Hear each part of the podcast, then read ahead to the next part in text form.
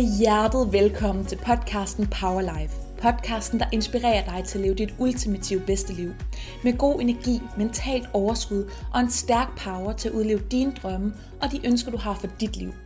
Et liv fyldt med størst mulig livskvalitet, med en sund krop, der stråler og føles fantastisk at bo i. Et konstruktivt og positivt mindset. Kort sagt et liv med bedst mulig livsenergi. Mit navn det er Puk, og jeg har en mission om at hjælpe dig derude til at leve dit bedste liv. Hvor du kan skabe den power, du har brug for til at tage handling og udleve dine drømme. Jeg studerer næring og sundhed, og jeg har selv erfaret på egen krop, hvad det betyder for ens livsenergi at give ens krop den bedst mulige næring, være fysisk aktiv, arbejde på sit styrkede mindset, en god søvnrutine, generelt set leve i en sund balance. Mine gæster er fantastiske mennesker, der inspirerer og deler ud af deres historie, viden og erfaringer, så du kan få et kærligt powerboost herfra til at tage handling og skabe dit bedste liv. Dit power life.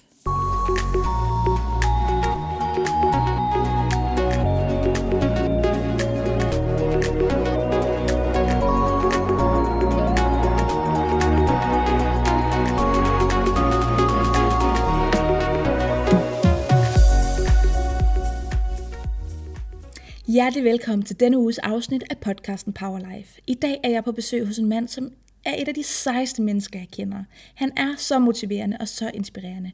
Og et menneske, som jeg tror, de fleste mennesker vil sætte pris på at have som bedste ven, som støtte, accountability partner på deres livsrejse. Jeg er på besøg hos kokken Claus Holm, som mange nok kender fra Godmorgen Danmarks Køkken, hvor han inspirerer til lækker mad, sammensætning af lækre råvarer på nye måder og med kæmpe velsmag. Så har han også deltaget i TV2-programmet De Fem Fede Kokke, hvor han så hjertenskærende, sårbart og dybt autentisk delte ud af sin historie, og det wake-up call, han fik, der gjorde, at han fik skabt sig en ny livsstil og skabt sig et nyt liv. Jeg har den dybeste respekt og beundring for Claus, både som kok og som menneske, og jeg er dybt taknemmelig for, at Claus vil være med til at dele ud af sin inspiration, konkrete brugbare tips og tricks i køkkenet til velsmagende lækker mad, men også om, hvordan han holder sin motivation i gang, tager handling samt de op- og nedture, han også møder på vejen i sit liv. Som nogen ved, er Claus Holm et kæmpe dyrmenneske, og hans elskede hund Otto er selvfølgelig med i dagens afsnit, og det kan til tider høres. Jeg har gjort mit bedste for at redigere det, så det forstyrrer så lidt som muligt for Claus' guldkorn. Jeg kan godt love dig for, at det er et afsnit, du bliver både inspireret og motiveret af, for Claus er en sand ven og et utroligt menneske at være sammen med. Jeg glæder mig til, at du skal høre dagens afsnit. Lad os dykke ind i dagens afsnit. Jeg er så inspireret og beæret over, at du har lyst til at være med. Selvfølgelig. En af grundene til, som jeg har fortalt dig tidligere, at jeg gerne vil have dig med på min podcast, det er jo det her med, at du har delt ud af din historie om, at du har levet et ret hårdt arbejdsliv. Du har været nærmest knækket fuldstændig, mm, ja. og du har fundet en vej tilbage igen. Derudover så ser jeg dig også som et menneske med et kæmpestort hjerte, som også tager hånd om andre mennesker, der er i samme situation. Du deler ud af det i De Fem Fede Kokke, hvor at du også er en kæmpe god ven for alle de andre, og især også de unge kokke, hvor du hjælper dem til måske at undgå nogle af de fejl, som du selv har ja. erfaret dig. Men Claus, hvad var det egentlig, der skete for, for de år siden, der gjorde, at, at du tog et, et aktivt valg?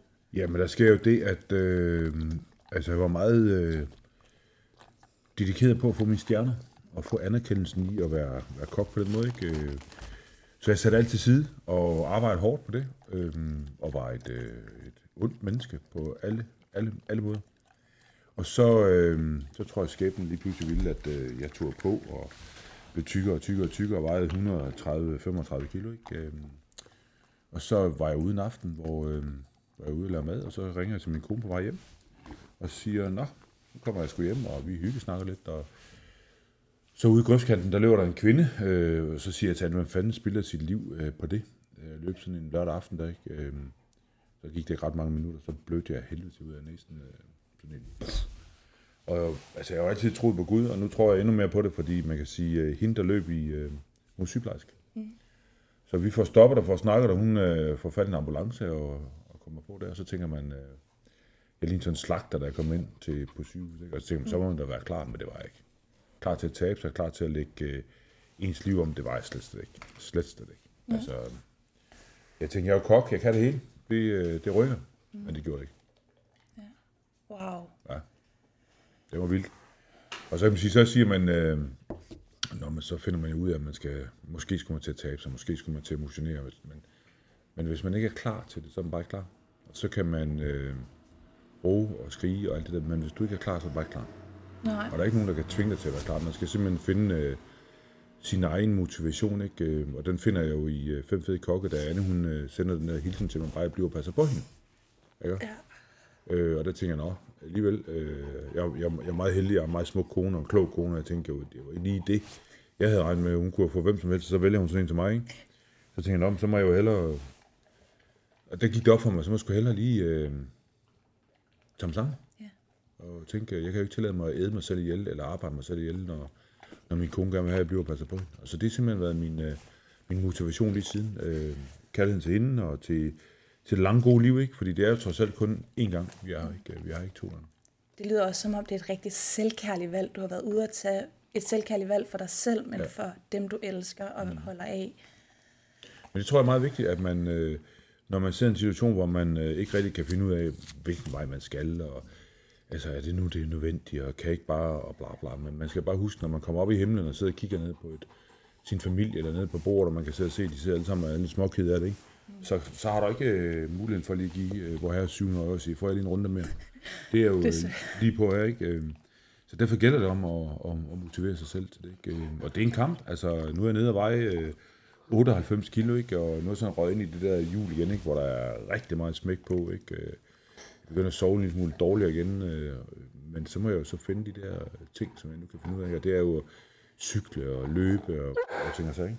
Ja, fordi du deler jo virkelig både på sociale medier, men også i fem fede kokke ud af, hvad, har, hvad du gør, ja. og det kan vi tale ind i lidt senere. Ja. Men jeg er så inspireret af den her motivation, du har fundet, at det har kunne være den drivkraft og katalysator for, at der er sket en ændring, og du tog nogle andre valg lige pludselig. Du fortæller i de fem fede kokke om det her med, at du, du bliver så syg, og det gør du også her. Mm. Og lige pludselig så får du noget ny motivation til at sige, gøre det anderledes. Hvordan tænker du selv, når der er andre mennesker derude, der også har en karriere, der løber der ud af? Udover det her med at elske sine andre, men det her med, hvor- hvordan får man drevet den motivation til at blive en handling? Jamen det gør man Sidst. ved, at man er bevidst om, hvor man er. Og man kan sige, et eller andet sted, kan man sige, der er jo rigtig mange mænd og piger og drenge og kvinder, som øh, tænker, at øh, arbejde, det må være det vildeste, karrieren må være det vildeste, men det kan aldrig være det primære. Det, altså det vigtigste i verden, det er din familie. Ja. Din kone, dine børn, din hund, din, alt det der er det vigtige. Så når man finder ud af, at øh, arbejde er blot et arbejde, Ja. man kan sige, når du øh, bliver fyret, og du bliver frataget alle dine privilegier og alt muligt andet på sådan et arbejde, og din øh, anerkendelse forsvinder, og alt det her løjt, ikke? Og du så trisser hjem til din kone, ikke? Så tager hun fat i dig og siger, jamen prøv her, skatter, det går, vi behøver ikke for dyrt. Giver du stop det der? Til alle jer, der lytter med, det er hans skønne, skønne hund, Otto, som er meget, meget glad for også at være med på podcast i dag. Så, øh, og det her med, du fortæller også det her med at komme ud i naturen, det her med at være sammen med din hund og din elskede, Ja. at det er jo også, altså så er det en motivation fra den ene til den anden dag at komme ud igen og igen og igen. Men også det, at man får lagt sit arbejdspres væk. Altså, Ja. Jeg tror, det er ret vigtigt, at man tænker, jamen skal jeg arbejde fem dage om ugen, kunne jeg måske arbejde, nøjes med at arbejde fire dage om ugen. Ja, Og så stadigvæk være effektiv, tænker jeg så. Stadigvæk øh, have noget anerkendelse, tænker jeg så. Ikke? Øh, Det, det er vigtigt. Altså, det er virkelig, virkelig vigtigt. Og det har jo taget mig i hvert fald 12 år at komme derhen til, hvor jeg er der, ikke? ja. I hvert fald. Og Men det, arbejder ikke. jeg synes, det er så inspirerende, fordi jeg har også en kæmpe stor drøm om at udleve min karriere, men det skal ikke gå på bekostning af dem, jeg elsker, Nej. mit helbred, øh, dem, jeg er sammen med. Og nu sagde du selv, og det synes jeg faktisk er enormt stærkt at sige det her med, at du selv synes, du var et ondt menneske. Mm. Og det her med, at man kan tage et lidt egoistisk, selvisk valg om prioritere sin karriere, mm. eller sit helbred, sine venner, sin familie, dem man holder af. Jeg tror, der er nogen, der synes, det er svært at navigere i det her med, hvornår er det et egoistisk valg, og hvornår er det et selvkærligt valg. Men i sidste ende hold fast i det her med, hvad er det, jeg elsker, hvad er det, jeg allerhelst vil med mit liv.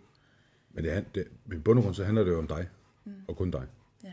Altså fordi, at, øh, det er jo lidt ligesom det der oppe i flyverne. Ikke? Hvis man ikke øh, har taget sin maske på selv, så kan man jo ikke hjælpe andre. Ikke? Og hvis man er i ubalance og tingene de skøjter rundt, ikke? Mm. så kan du ikke, øh, så kan du sgu ikke hjælpe andre. Selvfølgelig er det Jeg ser sgu ikke på det som et, øh, et, et selfisk valg. Jeg ser sådan lidt, øh, men jeg skulle nødt til at finde, finde ud af, hvad det er, jeg kan, og hvad jeg vælger at lave. Holde et foredrag om, det kalder mit livs vigtigste opskrift. Ikke? Og der har jeg sådan skrevet, hvad der er forskelligt. Der har jeg jo Anne på, og jeg har mig selv på, og jeg har motion på, jeg har motivation på, jeg har hunden, ikke?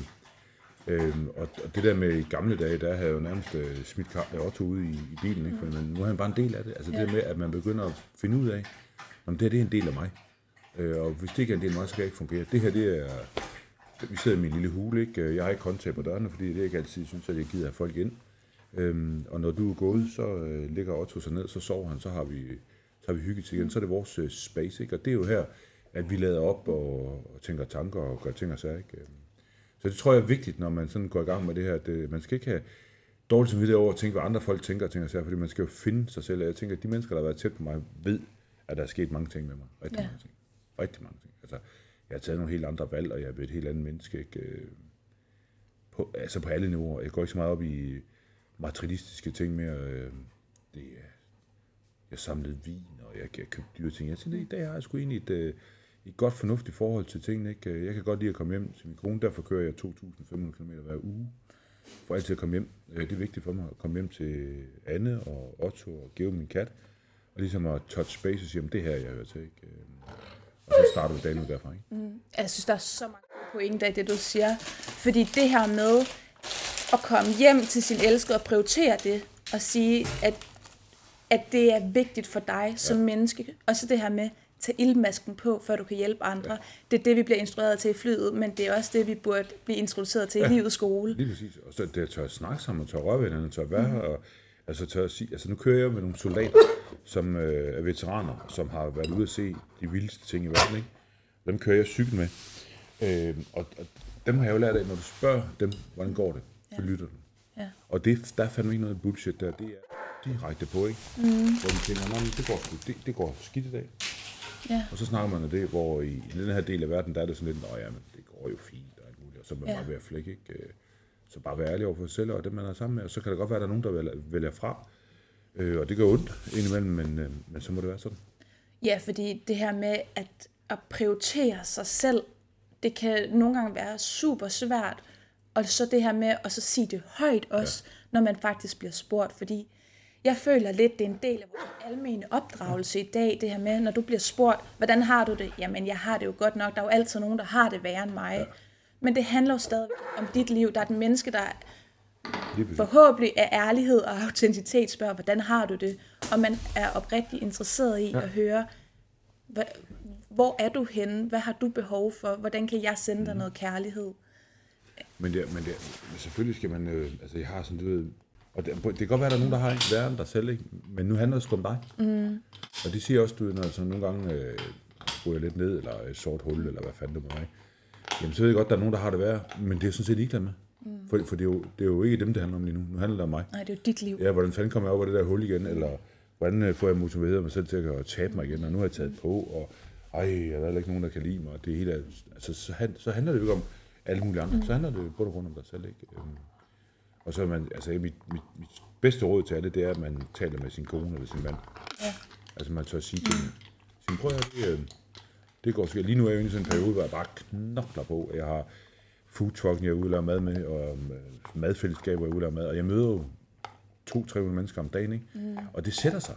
Så når du kommer hjem, så er du med træt, ikke? og man tænker, har du gjort det godt? Nej, men det har du. Og, det, og der skal man sgu, øh, du ved, stille og roligt, og så gå en tur med vilddyr, der ikke... Øh, og det er fedt, men, øh, men så skal man også lige kunne trække stikket til, hvor nu tager vi det tror jeg virkelig, der er mange, der rigtig godt kan genkende ja. det her med, man er ude, man er social, man bruger sin energi, og der er jo nogen, de lader op af at være sociale, ja, ja. men man skal også bare mærke efter, ja. om man gør det rent faktisk, eller man har behov for at trække sig tilbage ja. i sin hule, være sammen med sin elskede, ja. eller alenetid, naturen, motion, hvor man hver især finder den opladning henne, fordi vi kan ikke bare gå hen til et stik, ligesom vores iPhone for eksempel. Nej, det kan vi Vi skal hver især finde vores, eget, vores egen oplader.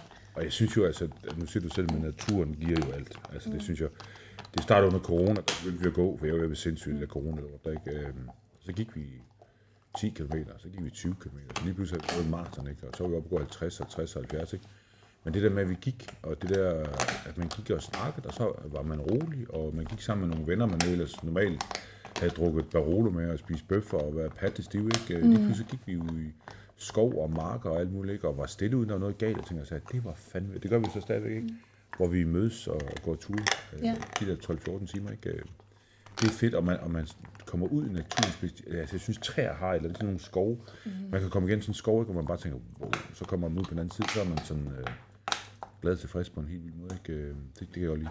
Jeg synes virkelig, at dem, der ikke har, har opdaget naturen, de burde tage en tur. Og til at starte med er det pisse træls. Man tænker, "Ah, det får jeg ikke en skid. Hvad fanden er det for noget? Men så oplever man lige pludselig, hov. Altså jeg har jo, øh, jeg boede ude, der hvor vi bor, Anna og mig, siden øh, 89, ikke? og vi har sådan en skov og strand, der ligger lidt derpå, ikke? Og den tur, den går vi hver dag. Vi går den hver dag, ikke? Og med alle vores hunde, ikke? Og den er bare fed. Altså sommer, efterår, forår, vinter, sæsonerne, de øh, skifter, øh, lugten i skoven skifter, dyrene skifter, alt. Ja. Det, og det er jo gratis glæde. Det er jo sådan nogle små ting, man bare tænker, nå ja, så går det sgu nok alligevel, ikke? Det er jo en måde at træne nærværelse ja. og se de små, smukke ting, ja. der er i livet. Ja. Det her med årstiderne, der skifter en del af cyklusen. Det her med at dufte naturen, være i naturen, føle sig i et. Ja. Nu siger du selv det her med træer. At det er jo det her med et træ, der også lærer at stå til i stormen. Det. Ja. er der, når det regner. Det er der, når solen skinner. Der, der er et eller andet forbundethed, som man kan tanke rigtig meget energi i. Det er, Og jeg har selv trænet fitnesscenter i rigtig mange år, men der er intet, der gør mig så glad som en løbetur. nej, Altså, jo, jeg synes, det er fedt at træne. Jeg elsker det, og det kan ikke nogen tage fra mig. Men naturen, og bevæge sig i naturen, det er fedt. Det er det, vi kan ret i. 100 procent. Altså, jeg, jeg bruger heller ikke fitnesscenter så meget. Jeg cykler meget. Det, man kan høre nu, det er, at han er Ja. ved at æde en klods. og han er meget glad og meget sød. Ja. En stor baby. Det er han. Halvandet år. ja, 55 kilo. ja, 55 kilos kærlighed. Ja, det er det. Så det er det, der er så fantastisk med hunde og dyr, det her med, de har et hjerte af guld, ja. og de står bare ved en side. De Altid, altid. Altså det, jeg glæder mig mest over, er, når jeg for eksempel har været ude at køre og kommer måske afsted her, når vi er færdige, mm. så skal vi lave mad i foodtrucken, og så kommer hjem, så skifter jeg bil, og så kører jeg hjem, så glæder jeg mig altså, bare til at komme hjem. Han bliver så glad. Mm. Den der modtagelse, man får, det er fantastisk. Altså det kan ingen mennesker gøre. Selvfølgelig også for at kysse min kone, og vi hygger og alt det er godt, ikke? Men, men den der glæde med en hund, der ser, mm. ej, altså det er fantastisk. Jeg elsker det. Altså, jeg synes næsten, de kan læse en bedre end Ja, det kan mennesker. de. De kan mærke, om man er ked af det nærmest, ja. før man er vågnet om morgenen, eller ja. før man træder ind ad døren. Eller hvis man er træt og uoplagt, så er ham der, han er jo rigtig på, så tænker Ja. jeg så, nu, nu kan du godt, øh, nu er jeg nu skal der gives gas, ikke? Ja, fordi der, når man er træt, og man lever et liv på farten, jeg er også selv rigtig meget på farten, så har man nogle gange bare lyst til at ligge sig ned på sin sofa ja. med sin telefon op i fjeset, og så se, hvad har alle andre lavet ja. Ja. på Instagram eller Facebook. Præcis. Hvor at det her med, at så have en hund, eller en ven, eller nogen til at lige give sig selv det spark i røven, ja. der skal til. Så man kommer ud, ikke? for man kommer ja. ud, fordi det genererer bare mere energi. Ja. Selvom man skal bruge noget energi for at trække sig selv op og afsted, så betyder det bare Jamen, jeg synes, at endnu sådan, mere sådan en løbetur, det, ikke? når man kommer hjem efter en løbetur, man er jo sjældent ked af det, man har gjort det, ikke? Man er Man jo, fortryder det i hvert fald og sjældent. man er jo glad, ikke? Og, øh, og jeg har jo, altså, jeg er jo mm. mand på 53, ikke? Øh, og i, i nogen er jeg jo stadigvæk en lille smule tyk, ikke? Men når jeg så løber, ikke? Øh, så forsvinder alle de der tanker, så løber man jo bare. Ja. Og jeg løber på min måde. Altså, det siger jeg også til folk, når de, når de skal i gang, ikke? Jamen, jeg kan ikke, fordi jeg er tyk, eller jeg har dårlige ben, så man, man kan jo bare altså, løbe, ikke? Det synes jeg er en sindssygt god pointe, det her med, at man gør det på hver sin måde. Lige præcis. Der er Du går ikke, ind i klokken, ikke? Altså, nu var jeg ude at løbe øh, sammen med mine brødre Ærø rundt her sidste weekend. ja, der det, Route der tager jeg 66. hatten af. Det var virkelig imponerende. Altså, det var jo, øh, der var jo ham, der løb hurtigst løb på 5.40, ikke? Øh, og jeg kom igennem på små 14 timer. Halvanden time hurtigere end sidst, ikke? Men, øh, men det var vildt, fordi man siger, man, man ligger jo der og møder sig selv og roder rundt i hovedet og tænker, nej, det går ikke der. Øh, og lang tid, der lå vi jo fandme til at kunne komme ind på under de 10 timer, ikke? Øh, så havde jeg jo, ja, jeg, dagen før jeg var ude cykle, så jeg jo styrtet, så jeg ondt i knæet, og slået og alt muligt. Så det begyndte at komme de her skavanker. Så tænkte jeg, så når vi hjem på 12 timer. Mm. Og der er klokken så kvart i 10 om aftenen, så begyndte solen at gå ned. Og så sker der altså noget på den på mig. Ja. Fordi så blev det mørkt.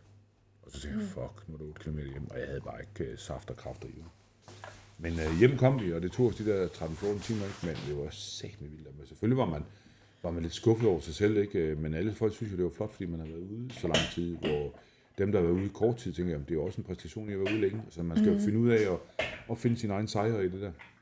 Altså, jeg synes, jeg synes, det er så imponerende, at du kommer igennem de der ting. Altså, jeg er 23, og jeg tror ikke engang, jeg vil være kommet halvvejs i det her. Det sidder med mørene. Ja, Altså det, det skal du altid huske på. Altså hvis din, nu ligner du en pige, der har god grundform, hvis grundformen er i orden, så sæt op med mørene. ja. Så, så kan alt lade sig gøre. Mm. Altså hvis, hvis du vidste, hvor mange af Du er enig, ja. Du kan sgu da ikke løbe, du kan sgu da ikke give noget datten. Mm. Men det kan jeg, fordi at øh, min grundform er i orden, ikke? Jeg har, jeg tror, nu har jeg vel løbet øh, 30 halvmarathon med mine brødre i rap. Wow. Og vi, vi løber en hver måned, ikke? Og, og man kan sige, øh, Morten og Lars, øh, det er jo sådan nogle, øh, og Mark for den sags skyld, ikke? De, de løber jo hurtigt, altså de kører løber deres øh, halvmarathon på 51-2 måske, ikke? Mm. Og jeg løber den på 3.10. Men de løber også ned i mit tempo. Mm. Men du gør det, jeg synes, ja. det er så... Det er helt vildt. Og man, men der ligger jo også råd med tanker og tænker, "Åh, så ligger, nu ligger jeg bærst igen, ikke? Åh, for helvede, ikke? Og det, og det vil alle gøre, men man skal bare tænke, okay, nu løber jeg mit eget løb. Ja, Og så gør vi det. Nu kørte vi 140 km med sådan et cykelløb her i Fyn rundt i søndags, ikke? hvor der var rigtig mange af de der cykelrotter, vi kalder dem, de kører simpelthen så stærkt, og man kan bare se, at de bliver ved med at banke ud, ikke? Og hver gang, at de kom forbi os, så kunne jeg godt mærke, at så blev jeg sådan ligesom suget op, og tænkte, "Nå, nu skal jeg kraftedeme vise dem, Ja. jeg kan, ikke? Og så stak de jo af, ikke? Jeg, kan- jeg kan altså ikke køre for 45 km på, på sådan en, det kunne de. Mm. Og så, du ved, så lige snart de var ude af, synd, ude af, ude af mit syn, og tænkte, så, så, så falder jeg helt til ro igen på min, øh, på min cykel, ikke? jo. Men jeg lærte, jeg lærte også noget på, at man kan sige, et eller andet sted, så øhm, at, at køre sådan en mountainbike-tur der om fredagen på 40 km med mange stigninger, og så løbe et ultraløb på 66 km om lørdagen, og så prøve at lave noget hvile, og så øh, tage 140 km inden for den samme Ja, det, er, det er næsten en lille triathlon, du, du har kastet det, det var voldsomt, jeg, også, jeg kan også godt mærke det. Altså mm. i dag er sådan lidt, du ved, øh, nu er det anden dagen, hvad er det tirsdag, ja. Øh, så mine ben er trætte, og min, min, min hjerne er træt. Og, Ja. Men jeg, jeg ved jo, at øh, i morgen bliver en god dag igen. Altså jeg ved bare, det, så er det, jeg prøver at sige, jamen, så rummer jeg.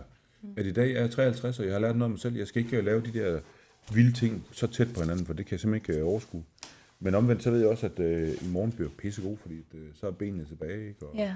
og jeg synes, jeg kan trække vejret selv igen, ikke? Øh, Og det er jo det, der er problemet, når man, når man er ude, så tænker jeg, det gør ondt, det dør jeg. Det gør man altså ikke. Nej. Jeg synes, det er en vild også fin parallel, du laver det her med, at du selv har det her med, at det er din egen rejse, det er di- dig selv, der tager et valg for at leve ja. dit liv. Lige præcis. Men det er det også, når du dyrker motion. Det er det også, når du sidder og cykler, hvad hedder det, hele Fyn rundt, eller du tager sådan et ultraløb. Det er, Jamen, det er altså eget valg også, mm. det er også det med mødet med dig selv. Jeg ved godt, det lyder som sådan en eller anden øh, kliché, men det er altså helt fantastisk, når man ryger derud, hvor man tænker, nå, alligevel ikke. Mm. Altså, man kan meget mere, end man tror. Man bliver imponeret Nu ser du, jeg er kun selv. 23, og jeg kan ikke engang, det kan du. Lige så snart du kommer ud, og man tænker, nå ja, der sker sådan nogle ting på, i løbet af sådan en tur, hvor man tænker, nå okay. Mm. Altså jeg har sådan, hvis jeg løber, så, øh, og jeg ved, at jeg skal løbe en halvmarathon, så er de første 5 km forfærdelige. ja, Og så møder jeg muren kl. ved 18. Og når jeg løber langt, så møder jeg muren ved 35 km. Men det ved, det ved jeg. Ja. Når jeg- Når jeg cykler, så ved jeg det samme. Og så ved jeg, okay, de første 20 km, når jeg er ude på sådan en 100 km tur, det er forfærdeligt. Men som om, så har jeg sådan en dieselmotor, der bare går i gang, og så, bup. og så kan jeg se, at jo længere vi kommer ud, bedre bliver jeg i forhold til de andre, ikke? Men det må jo også betyde noget for dit mindset til hverdag, det her med, at hvis du kan komme igennem de her ting, og du kan, jeg vil ikke sige trigge eller narre dit mindset omkring det, men du kan bryde muren, som du siger, Ja. Så kan du det også på alle mulige andre Det kan parametre. der. Altså, jeg tænker, sådan noget som udholdenhed mm. er jo helt fantastisk. Det har jeg jo lært mig rigtig meget. Jeg troede ikke, jeg havde det, men, men det har jeg. Altså, jeg kan virkelig ved. Og jo vildere vinden bliver, og jo vildere vand, øh, der kommer ned fra himlen af, jo vildere, øh, jo vildere bliver jeg. Ja. Jo sværere gruppen bliver, når vi kommer ud på de der lange, så da vi kørte de der 500 km på 24 timer, ikke? Der var sgu meget, der trak til sidst, ikke? Og jeg vidste jo godt, at der var rigtig mange, der tænkte, ah, men Claus, det kan du sgu ikke, men det kan jeg. Ja. Vi kan det, vi sætter os for. Og så kan man sige, det kan man så også bruge sin hverdag, når man tænker, nå, men okay, øh, det kan jeg sgu sikkert ikke, men så lige vente op og tænke, åh, oh, det kan nok godt, hvis du bare gør det på din egen måde. Jeg synes, det er en fantastisk pointe, det her med at gøre det på sin ja. måde. Fordi vi lever bare i en verden, hvor vi sammenligner os rigtig meget med hinanden. Vi samler, sammenligner os med jævnaldrende. Mm. Vi sammenligner os med nogen, der er yngre og ældre. Nogen, der lever et helt andet liv. Vi kender ikke baggrunden for, hvor de er henne i deres liv, og hvorfor de gør, som de gør. Men vi kender baggrunden for os selv, ja. og vi ved højst sandsynligt, hvad vi gerne selv vil. Så det her med, slip andres historie og andres rejse Det er på din egen rejse. Det synes jeg er så Jeg så smukt. sagt, at der er nogen pige på 23, synes jeg. Ja, jeg har også selv været i den, hvor at, jeg har selv været i en sport, hvor at det her sammenligne sig, det var, det var mere almindeligt, end ja. det var sjældenhederne, ja. desværre. Ja, det kan vi også i kokkebranchen. Vi sammenligner os om vi vil også den stjerne, Ja. hvorfor han fået det, og det er forfærdeligt. Men det er jo sådan, når man, øh, og det er jo sådan som kok, ikke? Mm. har det altid været sådan, jo mere vi arbejder, jo mere anerkendelse for, at jeg har 100 timer om ugen, ikke? og jeg Ja. ja. bla bla, og har ar på armen, ikke? og drikker en flaske whisky om dagen. Sådan har det jo været mange år. Det tror jeg ikke, det er så meget mere. Men det er jo sådan stadigvæk, at man, man, man henter anerkendelsen i sit arbejde, hvor meget man arbejder, og hvor mange stjerner man har, tænker jeg. Det, det tog jeg stadig. Ja. Jeg kan godt mærke, øh, når det kommer forbi, så er der. Altså, det er jo ligesom at få kokain. Det er jo forfærdeligt. Mm. Altså, Ja. det er jo, altså, fordi det, det, er, det kan noget helt specielt at stå derinde i restauranten, og der de bare ruller, og alle er glade, gæsterne er glade, og køkkenspilleren er for satan. Ja. Og man, øh, Der- man har en høj puls, og det, det triller bare ud af. Ja. Det er satan fedt. Ja, og det er jo det der med, når man laver noget, man brænder for, at det så ikke går hen og bliver en belastning af ens system. Ja. Fordi du elsker at lave mad. Men det gør det jo. Men det bliver en belastning i Ja. fordi du tilsidesætter jo helt vanvittigt mange ting. Ikke? Mm. Og du bliver høj den der, den der rus, øh, når man står og laver maden, ikke? og det dufter, og man kan se, at øh, piger og drenge i restauranten, de smiler og er glade, ikke? Og, og alt er godt. Mm. Så, så, så glemmer du, at det går ondt. Ja. Men du, altså, jeg, det der med, at du har haft så meget succes, men du har lært af succesen, og hvad konsekvenserne Ja. af den måde, du fik succes på før i tiden. Fordi i dag ser jeg, at du har jo succes på en anden måde. Ja, og det er en fed måde. Altså nu kører jeg ud med foodtrucken og laver øh, mad. Folk bare, hvorfor gør du det? Jeg er så inspireret af det her omkring at fundet, eller som jeg også selv sagde, med at finde din egen form for succes, og det her med, der er jo en, et narrativ omkring succes i kokkebranchen, men du har fundet det din måde at gøre det på, og måske giver det succes på en anden måde, det føles på en anden måde, men du har dig selv med i det. Det har jeg sgu. Og man siger, lige nu, i stedet for at lave mad til de få, så laver, så laver jeg mad til de mange, ikke? Mm. Hvor jeg kører ud med foodtrucken og laver mad på en parkeringsplads og ud for en daglig brug, ikke? og så går jeg ind og henter nogle helt almindelige råvarer, og så sætter dem sammen på en ny måde, ikke? og det, det bliver folk sgu glade for. Ja. Det kan jeg godt lide. Ja, det er virkelig fedt. Så øh, står man der og får en snak om hverdagen, mm. og, og altså, der er krig i Europa, og der er øh, inflation, og der er alt muligt, men lige pludselig, så, så forsvinder alle bekymringer, og så står vi bare der og spiser krydderstik med dister med mm. kokoskål og sådan nogle ting, og Ja. tænker, nej, det skulle dejligt der. Og så får man en snak over maden, og det, kan, det er det, mad kan. Det kan virkelig godt. Ja, fordi det er jo så en helt anden ting, jeg altid har været så fascineret omkring det her med dine samtaler omkring mad, det her med, hvad mad kan, hvad smage kan, fordi det ser jo også der, da I optager de fem fede kokke, det her med, at der er mange forskellige måder at lave mad på. Mm, det er der. Og få god mad til at smage rigtig godt, men så også vælge mad af god kvalitet, af gode råvarer. Fordi det betyder rigtig meget ja. For livsglæden, men det betyder også meget for sundheden, kan man Det sige. gør det. Og man kan sige, det der med at lave mad, øh, altså jeg lader mig forføre det, der står foran mig. Mm. Øh, hader opskrifter. Jeg, har lavet masser af kogebog, men jeg, jeg bruger dem sgu aldrig. Nej. Jeg elsker bare det der at hoppe ud det, og så stå og lave noget mad, og så bare give en gas. Følge intuitionen. Ja, lige præcis. Og, ja. og man kan sige, der er jo ikke noget mad, der er rigtigt og forkert. Altså alt mad er jo, har jo lov til at være, og man kan sige, øh, man har jo lov til at gøre det, man nu gør, fordi man gør det. Mm. Altså man kan ikke stå og turnere sine grøntsager, og skal dem hjemme, fordi man har set en eller anden smart machine at gøre det. Jeg skulle nogle gange øh, lige så fedt bare tage en stor kartoffel, og så bare bage den ind i ovnen, og, og så spise den med masser af krydderurter på. Jeg Ja. tænkte, det er sgu meget dejligt, ikke? Altså det med, at man opdager smagen i tingene, ikke? Øhm, og det der med, at ting dufter, og ting, øh, det, når de dufter, så får man sådan en, øh, det kan jeg i hvert fald, så ryger jeg altid i en eller anden tangent. Om så er der en duft, er det om et eller andet, eller så er der duft af jordbær, så mener det om et eller andet, ikke? Eller, eller duften af Thailand, ikke? når vi er ude og rejse med min kone. Jeg elsker det. Elsker Ja. det. Fordi det, det her med, der er ikke noget rigtigt og forkert mad. Det er jo helt, i sidste ende, det meste kan spises. Ja. Men, men det her med at udforske det, fordi jeg tror, det oplever jeg selv, når jeg vejleder klienter, det her med, jeg kan ikke finde ud af at lave mad. Det her med at sige, at jeg ikke kan finde ud af det, og ikke prøve det af heller. Fordi nogle gange, så er det fordi, man ikke kan finde ud af det, i forhold til den fortælling, man selv har om, hvad er det at lave mad? Hvad er rigtig mad? Ja. Hvad er en rigtig pasta kødsovs? Hvad er en rigtig salat? Hvad er den rigtige måde at gøre tingene på? Hvor at i sidste ende, så handler det om også at føle sig frem Ja. og være intuitiv i et køkken.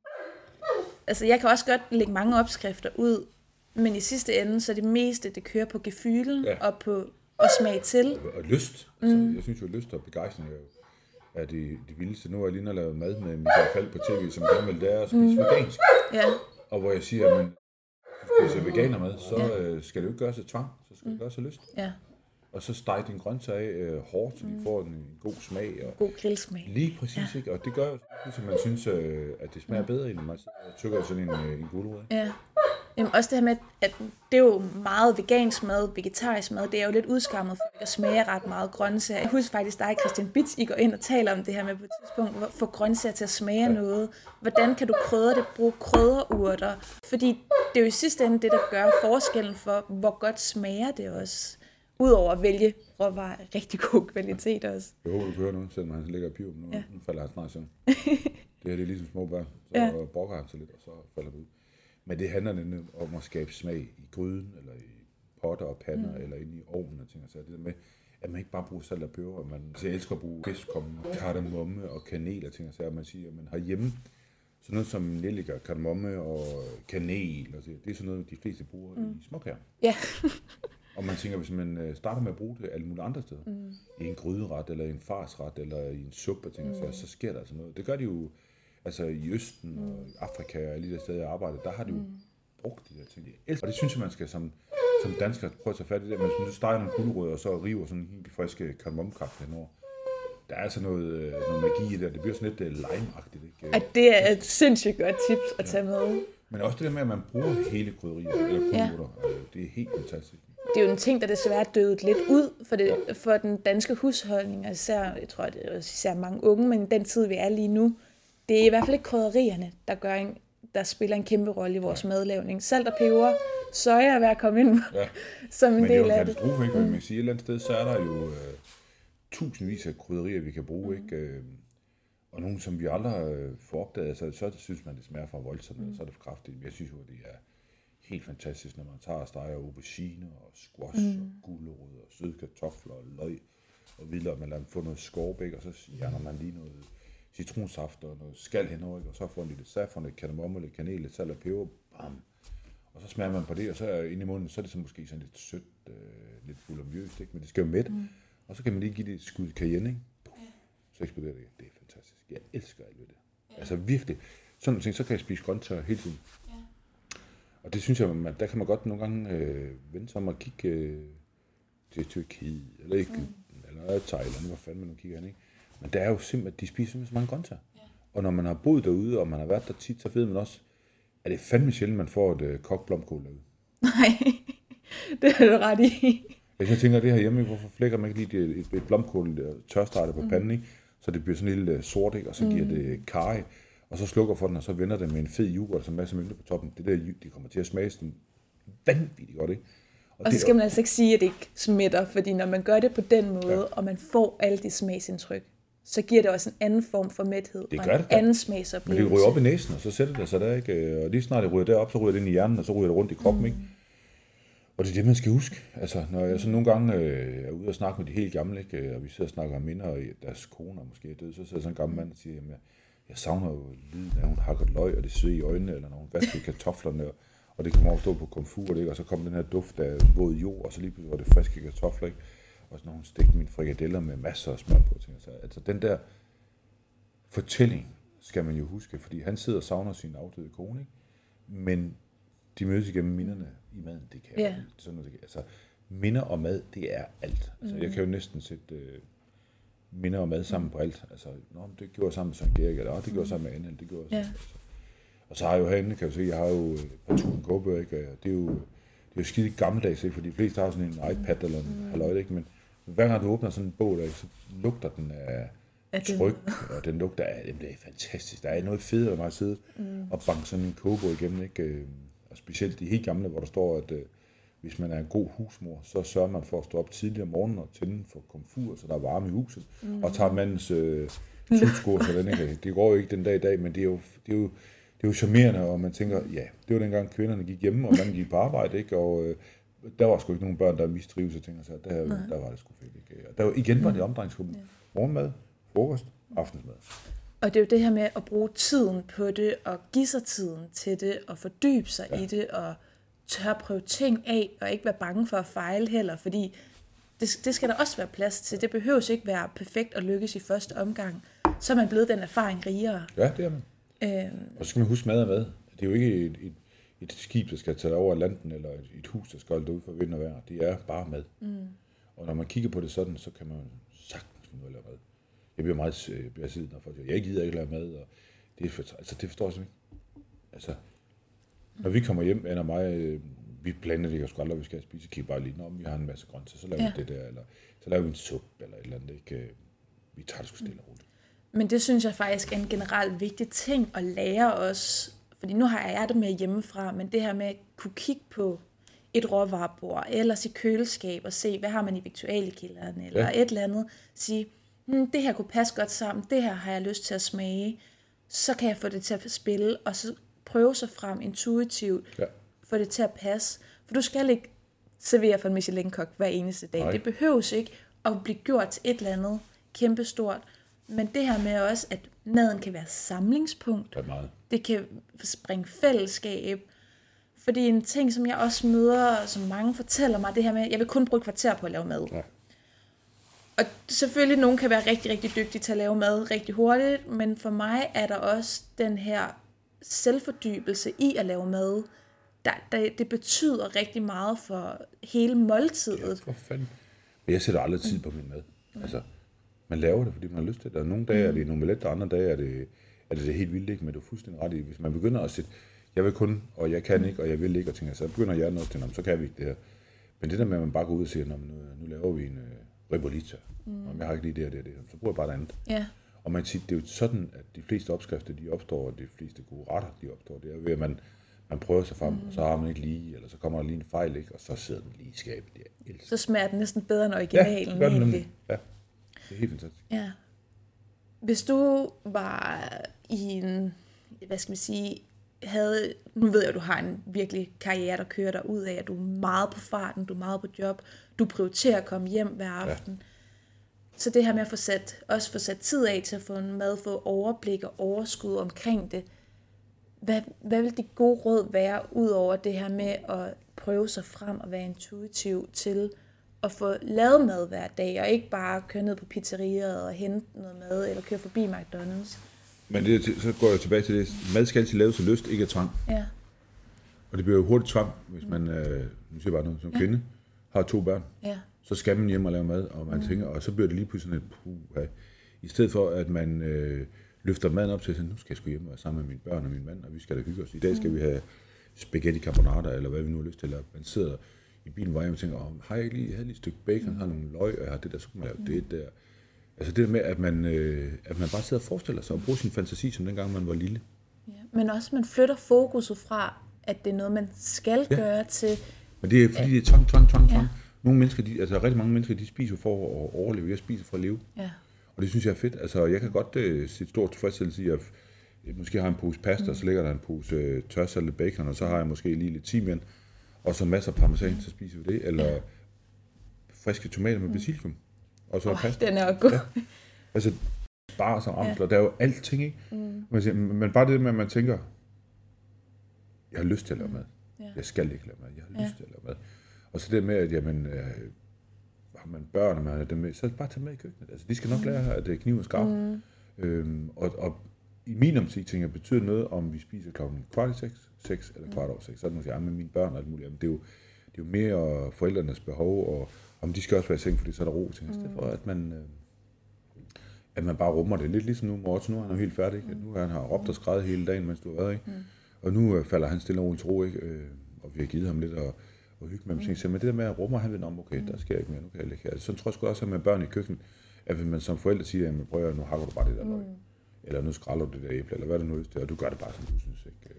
Ja, men rummer, at det ikke behøver at passe ind i en ja. tidsramme, ja. fordi at børnene skal være i seng. Jeg ved godt, for nogen det betyder rigtig meget, men om det går fem minutter over eller før, det er jo, man skal jo også leve i forhold til, at man ikke skal leve i forhold til et ur, men i forhold til, hvor er man henne ja. som familie. For har man behov for at sidde og snakke en time med sine børn om, hvad sker der ude i verden, ja. eller hvorfor det her mad smager, som det gør, hvorfor laver vi det her mad overhovedet, eller hvad der ellers sker derude i livet, så, frigør sig selv, at de rammer, man måske har fået fortalt, eller selv har opsat for sig selv, fordi man tror, det er det, der gør, at det hele fungerer. Ja, det gør det ikke. Det er det aldrig. Det er det aldrig. Nej. Altså man skal jo bare, altså jeg har sådan, du ved, lev nu for helvede. Jeg kan jo se, når jeg er jo ambassadør for hvad hedder det, Blå Kors og, og Ja. Barns Blå Kors, og der er jo mange unger, øh, som ikke, øh, så er deres forældre stive, og så sidder de inde på værelset og spiser, og så bliver maden lige pludselig noget helt andet. Ikke? Altså det med, at, øh, at vi bare sidder og hygger og spiser, og sammen om det, og, og får den der oplevelse, at øh, det er sgu meget hyggeligt det her. Det er jo det, virkelig mad kan. Ja. Og det der med, at man kan, man kan sidde, du ved, øh, ja, spise, altså det der med, at- at man også nogle gange kan få en fest ud af en dåse makrel. Ja. Og man skal altså ikke undervurdere makrel, hverken ernæringsmæssigt Nej. eller hvad Men du det ved, jeg, i jeg har kun fået en dåse makrel i sammen, det er da fint. Ja. Så kan du riste noget toast og riste noget brød, eller hvad, fanden vil jeg? Men det der med, at man hele tiden snakker mad ned, i stedet for at lige løfte den op. Og jeg har sådan, jeg, i min verden er der jo ikke noget mad, der er, er rigtigt eller forkert. Det har jeg sagt flere gange. ja. Jeg synes, det var så fint, du siger i de fem fede kokke, det der med madsnopperi. Ja. Altså, øh, forget det. Men det har det også, øh, fordi jeg tænker sådan lidt, hvad er vigtigst? At øh, du lærer at spise en gulerod, mm. eller du lærer at skære en gulerod på den rigtige måde. Ja. Altså, du skal for fanden da først lære, hvordan smager guleroden, når den øh, lige kommer op, hvordan smager den, når den ligger lidt, hvordan smager den, når den er bagt, hvordan smager den, når den kogt. Det er sådan, jeg synes, tingene skal, og så kan man jo bagefter, hvis man synes, det er sjovt, øh, skære den ud i små skiver, og så lægge dem om på hinanden, og så skære dem ud i endnu mindre små skiver, og så til sidst har man sådan nogle små stykker med tændstik i, og så ligger det kaldt julienne, ikke? Og så kan man stå der og råbe og skrige af hinanden som kok og sige, ah, men det er fandme ikke ordentligt skåret alt muligt andet, men prøv at høre, for helvede. I sidste ende betyder det, Det jo betyder ikke en en skid, mand. Og jeg bliver simpelthen så... Jeg kan godt huske dengang, jeg selv var der, hvor øh, stjerner og anerkendelse, mm. ting skulle skære ud, og var det en halv gang en halv centimeter, så var det, det var ikke, øh, mm. så var det ikke andet. Det sker ikke mere. Det må jeg sige, det gør det ikke. Altså, jeg sidder tit og kigger i mine gamle kogebøger, og mine gamle menukort, og tænker, og gamle billeder, og tænker, "Hold kæft, og sådan. Dengang, der var der noget musik. Men det er også i dag. Det er Ja. bare en, en anden slags musik. Ja. Øh, jeg laver mad til øh, almindelige mennesker. Inspirerer dem til at øh, prøve at lave den her kødsovs. Har du prøvet at tage- halvdelen af kødet ud og så tilsætte kikærter? Ja. Eller når jeg laver min, øh, på de der food trucks, ikke, så køber jeg, går ind, så køber jeg kylling inde flere. Så køber jeg en dåse øh, tacosauce og en pose snitgrønt, det er sådan noget fem slags grønkål. Og så køber jeg en kokosbrik og noget kaj. Så rister jeg de der kylling ind i filéer, de er sådan nogle små stykker. Så kører jeg kaj på. Så kører jeg det der kokosmælk på, og lidt uh, tacosauce, koger det op. Og så får jeg lige lidt vand, hvis jeg synes, det er for tykt. Og så putter den her pose grøn, eller grønkål, spidskål, alt muligt. i. Og så er der mad på 12 minutter. Og det smager så sokkerne rører Jeg bliver helt sulten, når du bare sidder og og siger. det, og, og det, er jo, det tager øh, 12-15 minutter at lave det. Ja. Og, og det smager kraftigt godt. Ja. Og jeg kan jo se, når jeg står derude, folk tænker, er det det? Og så kommer mm. den der, jamen hvorfor bruger du det der? Mm. Jeg prøver at bruge sådan en pose øh, grøn, mm. hvor der er, altså grøn, der er bare skåret ud, ikke? Mm. Den koster en 20 og 25 kroner, ikke? Og der er grønkål, der er hvidkål, der er spidskål, der er gulerødder, og nogle gange er der rødbeder i. Øhm, og de er strimler. Ja. Og det vil være, at du øh, skal ikke stå og skralde, der er ikke noget madspil, du bare, så er der mad. ja, og det er jo det der med, hvad fungerer for, Ja. for den enkelte. Og så har du øh, sund mad på øh, ingen tid. Mm. Og det synes jeg er fedt. Og det er jo alt sammen noget, du har. Ja. Og man kan sige, tacosaucen, det er- de fleste spiser det til nachos, ikke? Mm. Det synes jeg er fint. Mm. Og det synes jeg bare, man skal huske, når man øh, står og laver mad. Det der med, at øh, glem nu det der snobberi. Glem Ja. nu alt det der. Bare lav maden, fordi det smager, fordi det er hyggeligt. Ja, og det kan bruges til alt muligt. Ja. Altså varmer du det op og tilfører en lille smule fløde eller Ja. ja. sojaerstatning, eller hvad man bruger hvis, for at creme det en lille smule Lige op. præcis. Så det her med at også slippe fantasien lidt løs omkring ja. det. Ja, så jeg har udviklet sin mad, mens man står der. Mig og Søren Gerke, vi plejer at sige, vi kigger ned i gryden, og hvis gryden er tom, så skal man gå sin vej. Men hvis den er tom, se, den er fyldt med alt muligt godt, Ja. Så er den altså perfekt, ikke? Mm. Altså det med, at vi har sådan noget, hvis man kan lade sig forføre det, der står nede i gryden, selvom den er tom. De små børn, de har jo også øh, fantasi. Mm. De kan jo sige, åh, der går en lille, lille mand. og man som voksen tænker, hvor fanden her? Men det der med, at man stadigvæk tør at være barn, det, det tror jeg er vigtigt også i køkkenet, at man tænker, nå ja, Ja. det kunne man da godt. Jeg har sådan en evne, jeg kan sådan sidde og, og kigge væk, som jeg gør nu, og hvor jeg sådan tænker, nå, så kan jeg gøre det og det og det. Så kan jeg smage maden og se, om det vil jeg gerne have det der sammen med det der, og det der sammen med det der. Eller, mm. altså, og det er fedt. Ja. Det er virkelig godt. Altså det er jo, siden jeg så dig på, jeg har jo set dig mange gange i Godmorgen Danmark, men også her, altså på Instagram, på Facebook, det her med, se, hvad har jeg i køleskabet, eller hvad kan lige sættes sammen. Det, det behøves ikke være sværere, end vi gør det til. Nej. Og hvis det fungerer, køb en pose snittet grønt, eller frostgrønt, for Ja. den sags skyld. Det, det. det, hvis det fungerer, Ja. så kan du sagtens få velsmag ud af det, du kan få hygge ud af det, du kan få samvær og der er ikke galt med at købe frosne grønne sager overhovedet. Det behøves ikke være et eller andet fint høstet noget. Men det her med, lad være med at begrænse dig. Ja. Så, og så vel, altså jeg vil altid anbefale, at man går efter de bedste råvarer som Ja da. muligt. Men, Men hvis du ikke har penge men til det, hvis du øh, ikke er der ja, dit, dit liv, man ikke har økonomien til Ja. det, så må man jo gå efter det, mm. det man nu har råd til, og, Ja. tænker, og så skal det jo også være godt, for ellers har man lige pludselig ude i det der food shaming, og tænker, mm.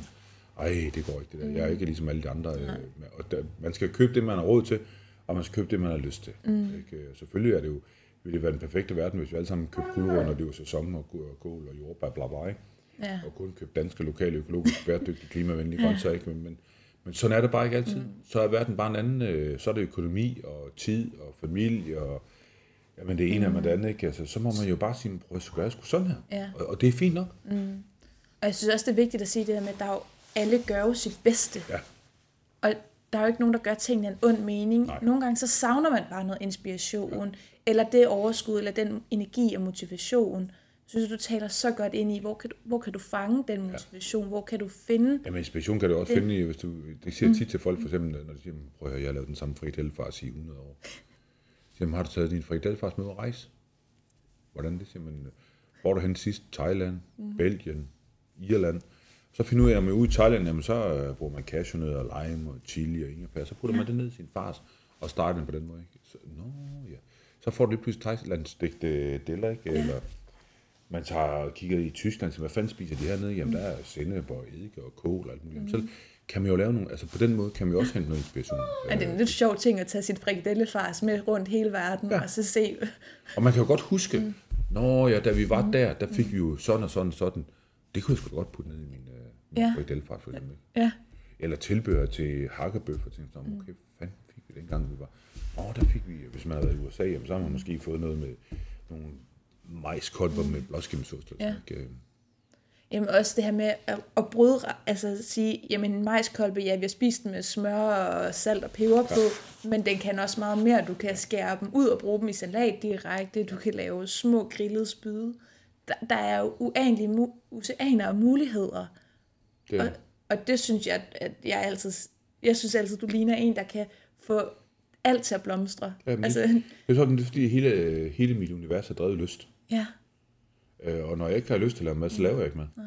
Så øh, er det andet, der laver mm. det, eller så, så gør det bare ikke. Altså, mm. det kan, men, men ofte så sker der jo det, når jeg sådan står bag et køkken, og, og der ligger skærebræt og en kniv, og der ligger nogle råvarer, jeg så kommer den jo øh, helt automatisk. Jeg tænker, nå ja, bum, bum, bum, bum, mm. og så har man lavet mad, ikke? Øh, Og så skal det jo bare på en eller anden måde også, øh, det mad, man serverer, skal jo, det behøver ikke at servere sin gryde og lige noget, der er skidt ud af røven på en ko. ja. Det må godt være lækkert og delikat, mm. og det kan du jo sagtens gøre ved at anrette din salat på en dyb tallerken. ja. Hjemme hos os har vi masser af forskellige tallerkener, og det elsker vi. Der er aldrig nogen, der får den samme tallerken. Og det er jo også fedt altså i sig selv, at man kan sidde seks mand og spise hver sin tallerken, øh, som har hver sin farve og sit udtryk. Det synes jeg sgu egentlig også er meget fedt. Ikke? Ja, det er det, jeg synes, at mad kan, altså en, nu tog vi, hvad hedder det, makrelsalat før. Mm. Altså en råbrød med makrelsalat, ja, den kan se rigtig kedelig ud, men hvis du topper den med lidt krydderurter, ja. eller putter, jeg putter faktisk lidt basilikum på ja. en gang imellem, fordi tomat og basilikum kan bare så meget i min verden. Ja. Putter en lille smule peber ovenpå, ja. faktisk lidt hvidløg en gang imellem. Men det her med bare nogle små, enkle hacks, ja. der faktisk kan åbne et helt nyt univers. Jeg synes også, det er super fint, eller fantastisk, at du taler ind i det her med lyst. Fordi at mærke efter, sige, det er okay nogle dage, man ikke har lyst. Ja, det er det fandme. Og det er jo det, der gør, at man så har rigtig meget lyst nogle af de andre dage. Ja. Og det tror jeg bare er vigtigt, altså det med, at man tænker, når man sidder der i bilen på vej hjem, og tænker, puh? Mm. Og det er sådan en dag, og så er det jo mm. fint at sige, okay, skal vi tage ud og rejse, ikke? og så kan man mm. godt sidde i en kø på kølandet eller kø motorvej og tænke, puh, så sidder man lige pludselig og åh ja, så var jeg jo derhen mm. med ungerne og med manden og kæresten og alt muligt, ikke? og så lige pludselig har man skulle lave en eller anden ret, ikke? og så sidder man der og bliver glad, og så får man jo lyst til det, ikke? og så ringer man hjem og siger, kan du ikke lige tage det der ud, eller har vi noget af det der? Ja, ja, vi har, og så man lavet noget lækkert, ikke? Ja, det er bedre end at tage telefonen op, i hvert fald at scrolle igennem Instagram ja. eller et eller andet. Men det kan jo aldrig betale sig. Og så- Altså, Kig på, hvad du har derhjemme, og så må det være det. Ja, og drømme dig lidt igennem, hvad, og tænke, tænke tilbage på nogle gode minder. Fordi det er jo også det, mad kan. Det kan skabe associationer til mm. gode minder, gode historier. Det kan vække nogle følelser, nogle positive følelser ja. indeni, som gør, at lige pludselig så hæver ens energi, så man får måske lige pludselig lyst og overskud mm. til at gå hjem og lave nogle af de her ting. Ja, Det er det. det er, det er så fedt. Men Claus, du er jo en mand, der lever ekstremt meget på farten, som jeg har sagt. Og, det, og du er, har haft en virkelig lang karriere, og du har været både drevet efter at få stjerner og anerkendelse, og i dag så ser jeg dig som en mand, der laver mad med kærlighed til folket, ja, fordi alle mennesker spiser mad, og alle har ret til god mad, ja. og lærer at lave god mad, og forstå at bruge råvarer.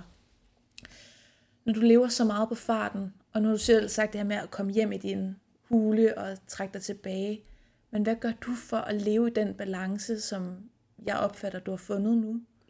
Jamen, jeg har jo ikke, altså bilen derude øh, er jo ikke fyldt med slik og chokolade og sodavand. Den har, der er vand, og ja. der er guldrødder, og der er æbler, og øh, Anne laver sådan nogle øh, proteinboller. Hun laver med spinat og alt muligt andet løg, som jeg får, Ej, eller mandelmuffins og ting. Så jeg så har sådan nogle ting med, øh, som jeg så kan sidde og glæde mig over. Hun har lavet, ikke? Og så, hvis jeg har været væk i 12-14 timer, jamen, så, har jeg jo, så får jeg jo noget andet. Mm. Altså, så, har jeg jo, så sidder jeg derude, ikke? Mm. Og så får jeg, jeg drikker Pellegrino, mm. som jeg elsker den vand, ikke? Og så nogle gange, øh, når jeg skal forkæle mig selv, så får jeg en zero. Mm. I gamle dage, der, så jeg, der sad jeg derude med et kilo slik og mm. masser af chokolade. Tænker jeg, ja.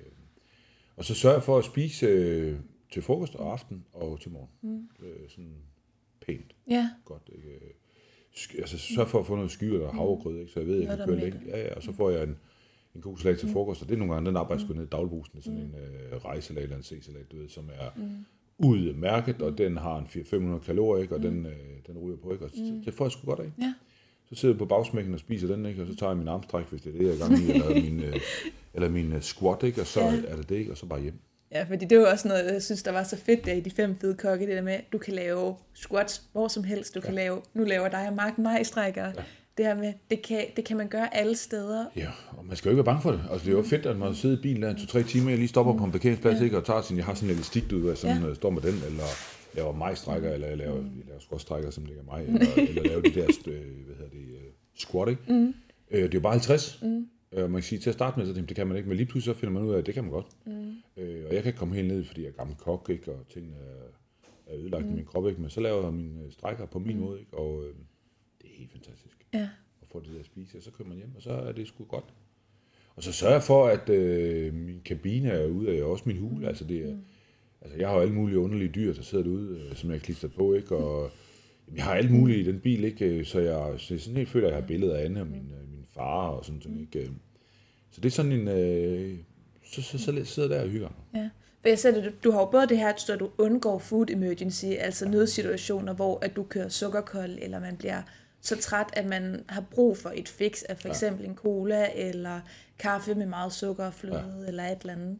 Og hele tiden have, være lidt på forkant omkring ja. de ting, fordi når man lever på farten, så er forberedelse at være lidt på forkant ja. og forudsige, hvordan er det for en dag, jeg skal igennem. Ja. Jeg bliver nødt til at have noget ordentligt mad til ja. morgenmad, så jeg har en god mæthed, ja. så jeg ikke får lyst til at køre ind og købe en pose uh, Haribo eller et eller andet. Ja. Uh, at jeg har nogle snackgullerødder til, når den der snacktrang kommer ja. op. Og det er bare en vane, man skal bare ja. købe noget, ikke? Men i går havde jeg jo, der havde jeg sådan en af de klassiske, jeg var dårlig at komme hjem, jeg havde været på farten, og jeg skulle nå at rydde op i bilen, ikke? og så jeg har jeg jo altid, når jeg står den, så har jeg jo chokolade og konfekt og alt muligt til ungerne, ikke?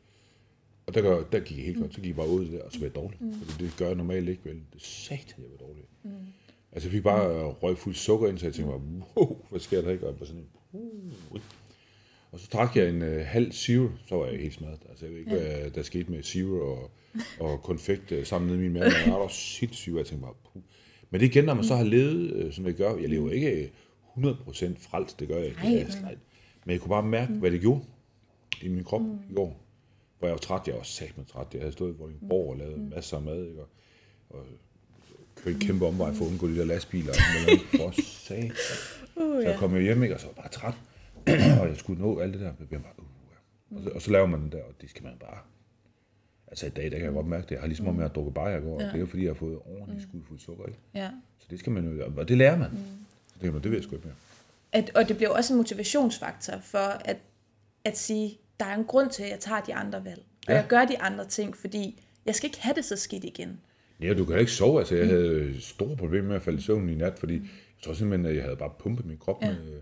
Og så meget slik var det sgu heller ikke, men det var, det var nok til, når du er trådt ud af det der med, at du ikke sidder og spiser et kilo slik om dagen, ja. At du så bare får en håndfuld eller to, mm. så siger det bare kapum. i Og især når du så er på farten, og hele tiden er på og blive, er i sociale sammenhæng, og skal lave en masse ting og arbejde, så tager det bare endnu hårdere på kroppen. Ja, det gør det fandme. Er du sindssyg, mand? Ja. Men godt, nu er jeg heldigvis øh, kommet igennem det, ikke? og jeg synes sgu egentlig, at... Øh, altså, jeg har også dage, hvor jeg bare får, hvor jeg slikker den og, og tænker sig, men jeg synes, det er fedt. Altså, jeg har fået en god balance i det der med, hvor jeg ved, hvad jeg kan. Ikke? Og jeg har sådan en regel inde i hovedet, at jeg seks dage, der skal jeg helst leve sundt og på de der 22 kalorier.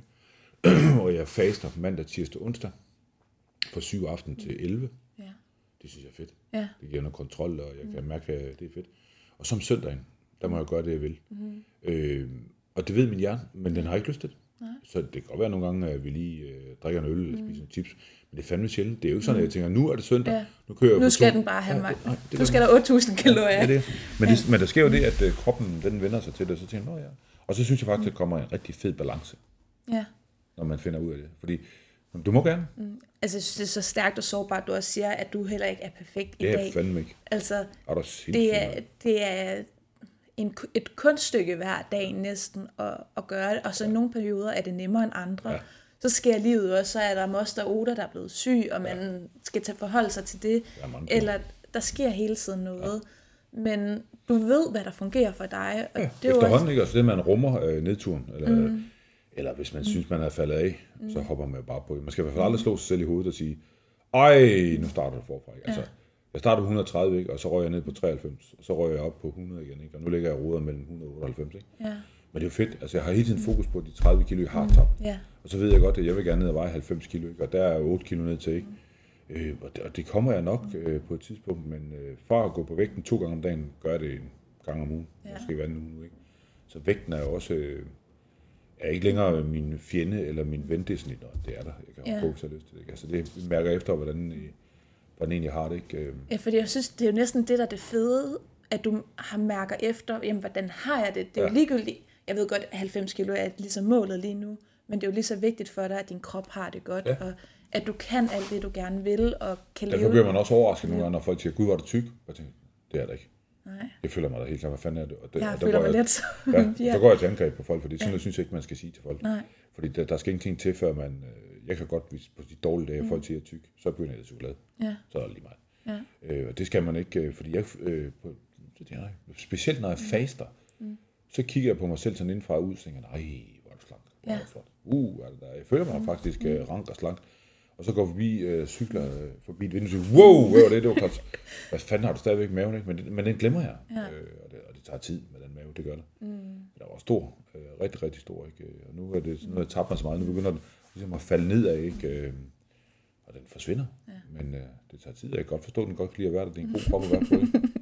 det er et godt selskab, den er Ja, det i. Ej, ej, men Claus, jeg kunne blive ved i flere timer, fordi jeg synes, du er så inspirerende menneske. Tak. Jeg synes, du er så hjertevarm, og der er så mange flere historier omkring dig derude, omkring hvor meget du hjælper, du støtter folk.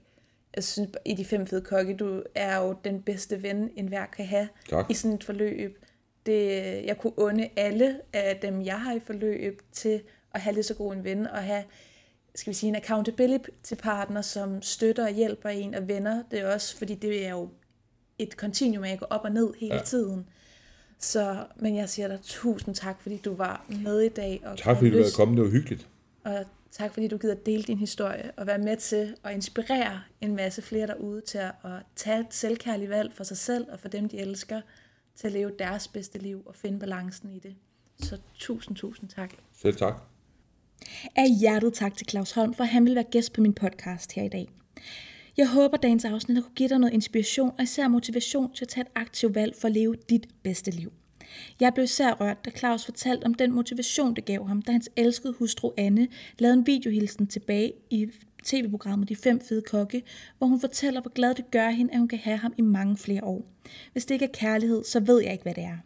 Men jeg elsker også den måde, Claus taler ind i, at motivationen for at ændre sin livsstil bunder i, at du kun har dette ene liv, og du får ikke en runde mere, uanset hvor mange penge du betaler for det. Jeg synes, det er et stærkt perspektiv at tage med videre.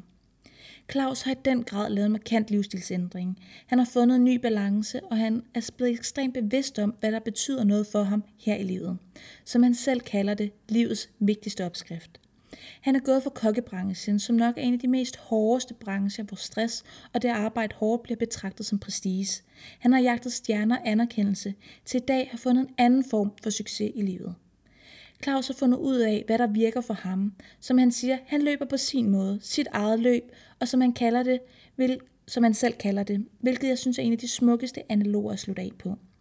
Du lever dit liv, ikke andres. Du løber på din måde, dit løb. Har du lyst til at få mere boost, livskloge, ord og refleksioner fra Claus, så vil jeg invitere dig til at følge ham på sociale medier. Du finder også Claus ude med Coops Madtruck, hvor han laver mad til danskerne, så du kan blive inspireret til at lave endnu mere velsmagende og fantastisk mad. Og så holder Claus altså også foredrag om sin livsrejse, hvis du har lyst til endnu mere inspiration og motivation. Bare rolig, jeg har linket til det hele i show notes og beskrivelserne for dagens afsnit. Tusind tak, fordi du lyttede med i dag. Claus og jeg vil elske at høre, hvordan du er blevet inspireret og motiveret af dagens afsnit. Og du er hjertelig velkommen til at tagge os begge to, så vi sammen kan inspirere endnu flere mennesker til at tage et aktivt valg for at leve deres bedste liv. Tak for i dag. Vi ses og gå ud og lev dit power life.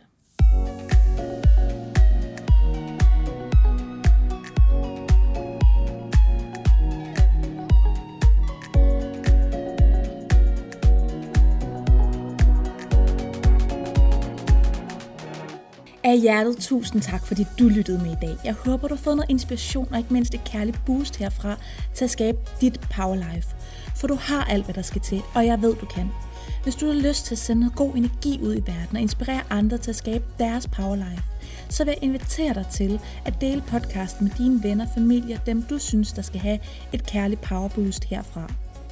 Og så er jeg så nysgerrig på at se, hvad du laver, mens du hører denne podcast, eller hvad du særligt har taget med dig fra podcasten, og hvordan du skaber dit powerlife. Så tag endelig Powerlife på Instagram. Det er p o w e r l i f edk Jeg vil så gerne støtte dig på din rejse, se dig udleve dit drømmeliv. Og så kan jeg ikke vente til, du skal høre næste episode med endnu en fantastisk gæst. Vi ses næste gang til endnu et inspirerende afsnit af podcasten Power Life.